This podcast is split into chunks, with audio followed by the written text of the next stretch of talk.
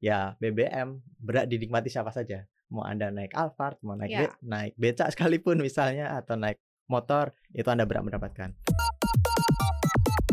Eh, mungkin kalau harga BBM naik, terus cara pembeliannya juga agak ribet. Untuk beberapa orang tertentu mungkin akan mengubah cara dia eh, apa namanya pergi ke kantor atau bertransportasi pindah ke transportasi umum. Jadi, Benar. Iya. Nanti cara penggunaannya juga katanya akan scan eh, barcode, Scan gitu. barcode. Di mana di Hmm, kawasan benar. SPBU kan kita tahu bahwa nggak bisa nggak boleh ngaktifin Iya. handphone segala macam ya gitu dipikirin gak sih? Koneksi Konten Ekonomi Seksi Sobat Cuan, selamat datang di podcast Cuap Cuap Cuan. Apa kabar Sobat Cuan? Semoga selalu dalam keadaan kondisi sehat walafiat ya. Di penghujung bulan Juni akhirnya di, eh, artinya adalah di ujung-ujung semester 1 2022 ya. Bentar Iya, lagi kita akan masuk ke 6 bulan kedua di 2022 Semoga juga kondisi keuangan Sobat Cuan makin baik Dan semuanya berjalan dengan lancar Selamat datang di Koneksi Konten Ekonomi. seksi. Yeah, ada Maria Katarina di sini dan ada Head of Research CNBC Indonesia, Argun Arif Gunawan, dan ada produser CNBC Indonesia TV ada Mas Adam Iya. Isa. Halo.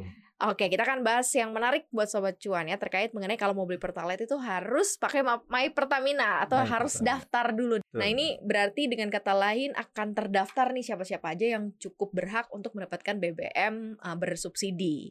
Karena konon katanya Pertamina melihat banyak sekali yang tidak berhak sebenarnya tapi masih membeli uh, BBM Pertalite ini gitu ya. Emang begitu ya Mas? ya? Emang ada datanya ya bahwa ada yang uh, harusnya tidak berhak menggunakan tapi menggunakan gitu. Ya, eh, s- filosofi eh, BBM itu mesti diperhatikan dulu. Artinya siapa yang berhak itu kan kemudian jadi perdebatan nih sekarang. Tapi kalau kita Mhm. bicara soal eh, produk yang eh, memang di- diberikan ke publik, ya BBM berat dinikmati siapa saja. Mau Anda naik Alphard, mau naik Ya. be- naik becak sekalipun misalnya atau naik motor, itu Anda berat mendapatkan. Tapi di Indonesia ini kan eh, harga minyaknya memang kalau menurut amanat undang-undang idealnya memang disubsidi. Hmm. Tetapi problemnya adalah harga minyak mengikuti harga pasar gitu. Kita tidak lagi raja minyak kayak tahun 60-an, 70-an gitu ya. Hmm. Eh, am- eh, di Ero- eh, Arab Saudi ada booming minyak. Di kita mungkin belum apa-apa tapi setidaknya pada tahun 80-an kita mulai eksplorasi. Nah, kita naik eksportir dan kalau kita bicara pada kondisi itu, maka sangat-sangat mudah mensubsidi harga minyak kita gitu ya untuk BBM. Tetapi sekarang kondisinya udah berbeda, kita net importir Hmm. jadi kalau bicara subsidi maka tidak bisa lagi ideal. Makanya mungkin pemerintah mulai mewacanakan ini tepat sasaran atau tidak gitu. Jadi kalau isu mengenai siapa yang berhak ya itu kita kembali pada filosofinya. Ini BBM Iya, barang iya, apa iya, ini? Mhm. Tapi kalau kita melihat pada praktikal untuk eh, hukum supply and demand, ya memang harus diperhatikan bahwa subsidi BBM itu sekarang semestinya memang dievaluasi karena Mhm, sudah nggak mhm. masuk lagi kita eh, kalau bandingkan dengan negara lain harga BBM kita masih relatif murah loh dibandingkan dengan Vietnam, dibandingkan Benar dengan sih, Singapura. Thailand gitu. Kita hanya kalah dari Malaysia, harga BBM kita yang around 95 itu. Hmm. Kalau lo ngeliatnya kayak gimana Mas Adam?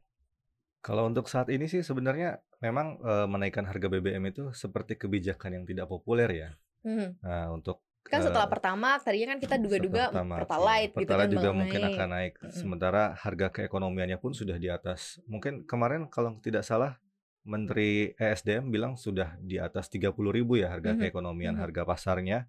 Tapi eh, sampai saat ini pemerintah masih menahan di 7.650 gitu. Mhm. Itu kan berarti dalam satu liter Pertalite kalau tidak salah ekonom Faisal Basri menyatakan bahwa pemerintah harus mensubsidi sebesar sampai minimal Rp8.000 per liter Per liter. lat- Pertalite. Yang Iya, kita beli sekarang Yang ini beli. udah disubsidi Hmm. itu sampai dengan 8 sampai dengan 8.000.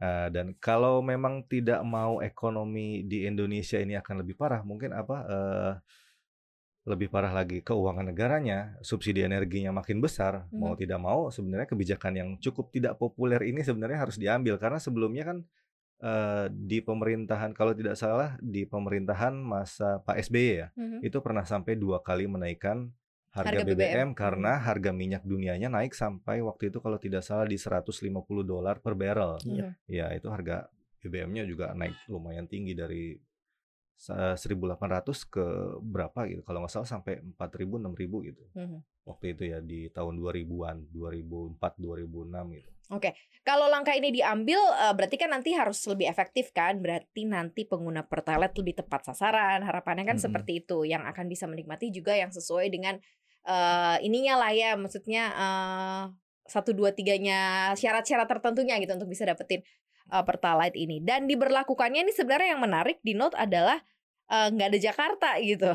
Justru ada 11 wilayah di luar eh, Jakarta justru banyak di eh, justru ada di Bukit Tinggi, Agam, Padang Panjang, Tanah Datar, Banjarmasin, Bandung, Tasikmalaya, Ciamis, Manado, Jogja dan juga Sukabumi. Nggak ada Jakarta. Padahal kan mungkin ketimpangannya terjadi di Jakarta. itu nggak uji coba ya Mbak Maria Iya, ini Untuk masih uji coba. uji cobanya di lima provinsi di daerah yang tadi Mhm. disebutin Mbak Maria di Sumatera Barat Jawa Barat Jogja Kalimantan Selatan Mhm.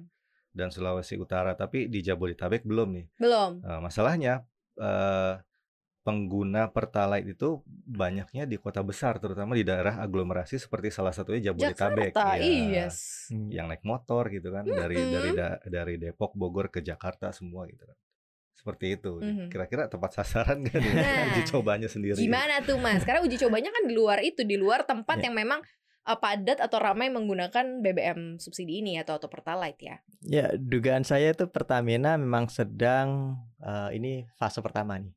Eh, sedang menguji coba dulu. Dia ingin melakukan pendataan dulu minimal orang kalau mau beli eh, BBM di Indonesia harus pakai My Pertamina gitu. Mhm. Kemudian dia uji cobanya di daerah-daerah tadi yang mungkin tidak eh, pengguna utama. Karena eh, dia ingin aman untuk mengurangi efek ne- eh, sampingnya ya, eh, Mhm, keriuhan-keriuhan politik, Oke. keriuhan-keriuhan yang kalau diberlakukan di Jawa gitu Iya. maka diberlakukan dulu di daerah-daerah luar dan kira-kira kalau itu bisa visible dijalankan kira-kira apa sih problemnya gitu. Mhm. kalau misalnya di sana mereka berhasil di Jawa akan sangat mudah dijalankan gitu. Karena kalau kita bicara penetrasi pengguna internet itu kan ya Mhm. Jawa masih mayoritasnya. Dan di sana kalau kalau di sana aja yang yang bisa pengguna BBM-nya mungkin tidak terlalu banyak kemudian juga eh, pengguna internetnya juga tidak sebanyak di Jawa itu ternyata bisa berjalan sistem ini maka ya pasti Jawa akan berjalan juga gitu Mhm, tapi mhm. ya mungkin Pertamina hati-hati sekali dia nggak berani langsung mencoba melakukan uji coba di sini karena tadi pasti ada kan ad- ada keriuhan-keriuhan Ya. kalau misalnya ya tau lah uji coba kan pasti ada yang trial and error ada Mhm. kendala ini itu dan ini itu itu biasanya bisa digoreng jadi viral kalau misalnya ya Mhm. dijalankan di wilayah yang padat penduduk eh, kota besar seperti di Jawa gitu saya pikir ini nih eh, yang eh, di, di target akhirnya adalah nanti padanya pembatasan ini saya menduga ya setelah kita nanti pakai My Pertamina maka kita kan udah ketahuan profil kita data kita ya kan eh, sudah jadi satu di Dukcapil kemudian mungkin nanti kita akan bisa me, eh, di, di- dilihat profilnya ini Mhm. pendapatannya berapa dan nanti baru akan ada klasifikasi di situ Oh, mungkin oke, kita oke. akan uh, ada kuota pertama mungkin kemudian uh, untuk untuk mereka saudara-saudara kita yang mungkin dianggap tep- uh, sasaran dari uh, subsidi BBM ini maka mereka akan mendapatkan uh, apa namanya kayak voucher mungkin jatahnya satu bulan berapa harus Oke. dihabiskan lewat Iya. itu misalnya nah arahnya mungkin ke sana akan ada pembatasan dan ya pada akhirnya kalau kita kemudian merasa ah malah ribet nih kalau misalnya saya beli harus pakai My Pertamina mungkin ada opsi lain yaitu saya bisa beli Pertamax atau per- apa yang yang Yang plus lebih tinggi turbo lagi. dan itu nggak perlu lagi ada syarat-syarat dan itu yang mungkin akan membuat masyarakat yang mampu akan milih ya sudahlah yang simpel aja gitu. mungkin Oh. ada satu lagi Mas Argun ya apa tuh? Eh, ini kayak membuat eh, mungkin kalau harga BBM naik, terus cara pembeliannya juga agak ribet. Untuk beberapa orang tertentu mungkin akan mengubah cara dia eh, apa namanya pergi ke kantor atau bertransportasi, pindah ke transportasi umum. Jadi Benar. eh, Yap. seperti itu. Tapi Harapannya. masalahnya di Indonesia ini, khususnya eh, di wilayah Jabodetabek mungkin ya untuk kita mau keliling Jakarta dan sekitarnya, kalau kita hitung mungkin saya pernah eh, menghitung saya sendiri terus tanya beberapa teman gitu, apakah akan lebih murah kita keliling naik eh, sepeda motor atau mobil pribadi Hmm. dengan kendaraan umum gitu kan? Mm-mm. Ya mayoritas jawabannya lebih mudah dengan Pakai kendaraan kendaraan pribadi, karena Yes. secara ongkos juga lebih murah. Terus kita bisa ke mana-mana tanpa harus mikir harus antri, misalnya antri bus Transjakarta, nunggu kereta seperti itu Mhm, atau mhm. eh, biaya ojol yang agak lumayan sekarang gitu kan. Jadi orang jadi memilihnya kendaraan pribadi gitu. Mhm. Nah, itulah yang membuat sebenarnya kemacetan di Jakarta tuh nggak hilang-hilang. Mungkin salah satunya itu kali ya, karena BBM-nya terlalu murah gitu. Jadi harusnya seperti apa dinaikin aja kan nggak populer gitu dan Iya. susah nanti malah menimbulkan kisruh gitu nggak sih mas? Iya, memang naik terus sih apa subsidi alokasi subsidi BBM dan LPG kita gitu. Kalau menurut catatan kami nih misalnya tahun 2015 itu kan awal nih mulai ada sistem kompensasi eh eh, apa namanya subsidi BBM. Jadi masih subsidi tapi ala-ala gitu. Mhm. Eh, tahun 2015 itu 61 triliun alokasi subsidinya, kemudian agak turun 44 triliun pada 2016, kemudian sampai 2018 masih 47 triliun. eh, sampai 2020 masih 47 triliun. Nah, 2021 kemarin tahun lalu itu Hmm. lonjak hampir dua kali lipat menjadi 83 triliun. Jadi memang ada lompatan alokasi subsidi yang dibebankan eh, eh, lewat Pertamina gitu. Nah, ini yang membuat saya pikir pemerintah harus eh, mulai berpikir ulang gitu. Ada produk yang eh, ya sekarang ini kan masih disubsidi kata katanya 8.000 kalau menurut Pak 8.000, Faisal Basri. Nah, itu memang memberatkan APBN karena pilihannya kalau mau mengantisipasi situasi sulit ini ya ada dua, mau naikin pajak ya kan untuk nutup eh, subsidi itu atau naikin utang. Dua-duanya kan nggak Nggak nggak populer ya. menyenangkan gitu. Nah, ada opsi ketiga yang mungkin juga cost politiknya tidak terlalu besar eh, kecuali nanti kalau 2024 ya ini menaikkan harga. Tapi saya kok menduga ini tidak akan dijalankan. Pe- Pertamina akan mencoba mengatur terlebih dahulu agar subsidinya tepat sasaran dengan tadi memakai My Pertamina. Kan kalau Baru. dinaikin juga harganya kan nggak ada kos politik 2024 kan nggak bisa maju lagi. Eh, kelompoknya masih ada. Oh. Oh gitu. di belakang-belakangnya. iya. Tapi ini juga sebenarnya agak ini juga ya agak mengkhawatirkan juga karena kalau ini dibiarkan terus, maksudnya eh, harga BBM ini dibiarkan tetap seperti ini, terus kemudian subsidinya masih dijalankan terus. Kalau tidak salah ini akan meng- mengakibatkan defisit APBN-nya makin melebar Makin ya, lebar Mas betul? Ya. betul. Nah itu juga akan berakibat nanti eh, ke inflasinya juga, terus nanti perekonomian juga akan lebih guncang lagi. Mhm. Mungkin di satu sisi akan aman, tapi di sisi lain mungkin akan memberatkan pihak-pihak yang lain gitu Mhm. kan, untuk Iya. harga mungkin harga sembako dan lain-lain seperti.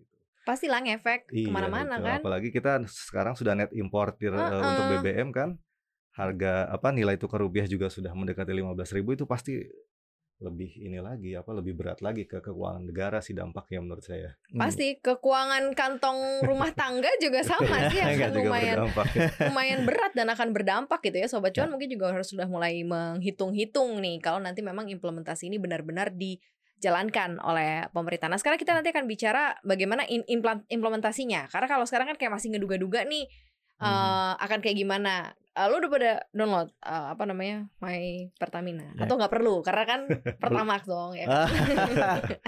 kita tidak mencari BBM subsidi tapi eh, menurut pengakuan seorang teman Seorang teman di kawasan di lingkungan kita Di ya di kawasan kita. kita. setelah apa mendownload aplikasi My Pertamina terus mencoba isi BBM eh, bagaimana sistemnya nanti gitu kan Mhm. Eh, katanya sih eh, di lapangan masih hanya perlu mencantumkan nomor telepon terus nanti eh, sistem eh, pendaftaran terus nanti masuk sistem nanti akan ada pembayaran lewat salah satu eh, dompet Dompet digital, digital, ya yes. masalahnya ini baru cuma satu nih Mhm. Nah, itu kan mungkin Lo tidak harus semua punya ini, iya, ini harus gitu punya ya. yang ini satu gitu. Kalau nggak punya berarti harus download dulu, masukin uang lagi ke dompet Mhm, digital tersebut mhm. baru nanti bisa eh, menggunakannya di SPBU. Tapi yang saya baca dari eh, apa namanya Pertamina Patraniaga sebenarnya syaratnya ternyata tidak semudah itu juga. Di webnya nanti akan ada seperti kita harus eh, melampirkan foto KTP, Mhm. fotokopi KTP, STNK, terus kemudian foto kendaraan Mhm. itu benar-benar profiling banget kan untuk eh, usernya. Itu Nah, beda form, itu lewat web. Itu nanti lewat web sama di Oke. aplikasi. Kalau di aplikasi tidak bisa harus lewat web gitu kan. Kita kan nggak tahu Oh nih nanti my apakah di tanggal 1 Juli ketika Mhm. mulai pendaftaran ini apakah semua orang akan mulai mendaftar. Yakin gue, Nah, iya. kemudian apakah nanti webnya akan crash gitu kan. yes. Dan kemudian juga eh, apa namanya? Pertamina juga bilang bahwa proses verifikasi ini akan memakan waktu kurang lebih tujuh hari gitu. Jadi selama tujuh hari itu, apakah kita tidak bisa membeli pertalite gitu kan? Belilah sekarang. Hari Nah, ini. Mungkin di 30 Juni malam Full itu akan terjadi antrian panjang Nah, di SPBU. iya. Oh Karena iya akan sulit juga. gitu kan, ya kan? Orang pasti akan eh, setidaknya eh, mengisi full tank dulu kan Full tank, kendaraannya benar. untuk Ya. untuk mencegah eh, terjadinya apa hal-hal yang tidak diinginkan di antara tanggal 1 mungkin sampai tanggal 7 seperti Mhm. itu. Mhm. Kurang lebih sih begitu sih. Kira-kira yang akan terjadi. Walaupun Ya. mungkin di Jakarta mah enggak lah ya. Di Jakarta mungkin enggak ya, di daerah-daerah yang tadi disebutkannya di lima provinsi itu ya. Nah, Iya. ini kalau dilihat ke tepat sas- ke tepat sasarannya kalau masuk melalui web mungkin baru kelihatan ya mobilnya apa, kemudian juga penghasilannya apa. Tapi yang tadi dari apps itu belum gitu. Iya. Nanti cara penggunaannya juga katanya akan scan eh, barcode, Scan gitu. barcode. Di mana di Hmm, kawasan benar. SPBU kan kita tahu bahwa nggak bisa nggak boleh ngaktifin Iya. handphone segala macam ya gitu dipikirin gak sih sebenarnya? sudah sejak lama tidak boleh main handphone atau apa. tapi sekarang kita harus pakai handphone untuk bayar. Iya, karena scan barcode kan sudah daftar dari main Pertamina. Ya nggak sih Mas ada Ya. ada keresahan-keresahan lo nggak sih melihat bahwa memang mungkin sekaligus juga menyehatkan yang lain gitu kan? Nanti Ya. ada integrasi antara apa namanya dompet digital, berarti kan ada satu lagi perusahaan yang tersehatkan karena ada transaksi gitu. Gimana tuh Mas? Ya eh, mungkin ini memang terobosan yang memang harus dijalankan gitu berbasis eh, aplikasi. Kenapa? Karena problem dari penyaluran BBM subsidi itu suka ini istilahnya itu kencing di jalan. Jadi satu truk eh, tiba-tiba nggak nyampe full tank itu Harusnya masuk ke berapa liter, SPBU ya? gitu. Nah mantaunya bagaimana ini agak susah kan ada ribuan eh, tangki gitu. Nah kalau misalnya sudah berlaku aplikasi ini kan ketahuan Eh, dia belinya di mana, SPBU tersebut kalau di di sistem nanti akan ketahuan total dia sudah menjual berapa kiloliter gitu ya Hmm, eh, BBM ke masyarakat dan kemudian ketahuan dong oh ini kemarin saya pasok 5 tangki kenapa yang kejual hanya 4 tangki satu tangki ke mana bisa Iya. gitu nah saya pikir ini mungkin eh, bisa menjadi salah satu cara untuk memperbaiki sistem penyaluran BBM kita dan itu mungkin akan bikin lebih efisien Hmm. penggunaan dana subsidi di eh, APBN terutama untuk BBM tetapi di sisi lain ya tadi saya eh, menduga memang saya setuju eh, dengan eh, Adam juga bahwa kalau nanti masyarakat yang berada itu dia akan merasa alah ngapain saya ngasih data saya yang sangat Mhm. berharga ini Hmm, hmm, ke aplikasi ini dan harus pakai satu ini saja tadi satu apa namanya aplikasi on, eh, pembayaran online transaksi online. Ya mungkin dia akan milih ya udah saya nggak beli pertamax saja pertamax biar yang lain saja. Nah. saya ambil jalur khusus ya tadi eh oh, sorry pertalite ya. Pertalite. pertalite biar mereka aja. Nah saya beli pertamax atau pertamax turbo gitu. Hmm, ini mungkin ini yang sedang dikondisikan oleh Pertamina dengan program My Pertamina ini dengan BP eh, BPH Migas juga ya hmm, gitu. hmm. Jadi ya arahnya mungkin harusnya memang sudah mulai dimulai sih sekarang ini. Karena kalau kita bicara subsidi suka suka ini eh, orang bilang ini kita berapa juta kiloliter ada nggak pembuktiannya? Nah ini forensiknya susah auditnya. Nah kalau ada aplikasi ini mestinya sih nanti terbantu untuk audit forensik penyaluran BBM eh, subsidi kita gitu.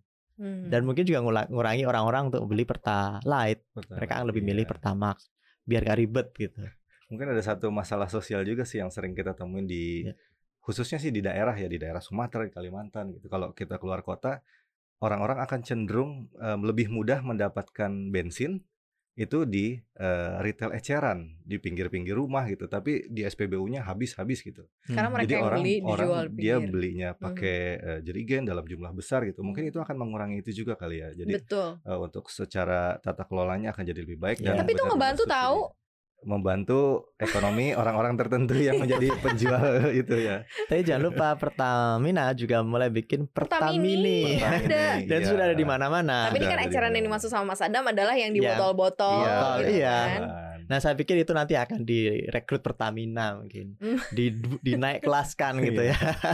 Menjadi Pertamini, Pertamini di daerah-daerah gitu. Saya pikir itu masih oke sih kalau kalau bicara ya visinya seperti ini kayaknya aman gitu, bagus.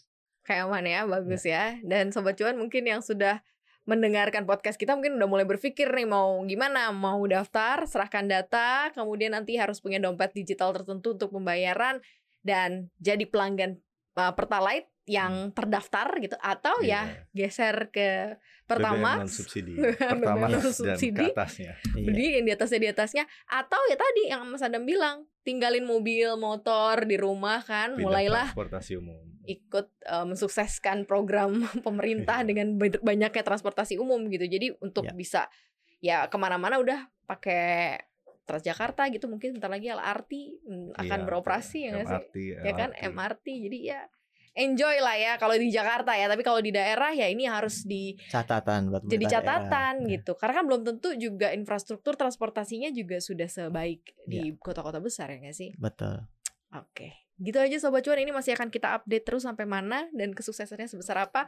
Ingat, jangan ngantri panjang-panjang tanggal 30 Juni.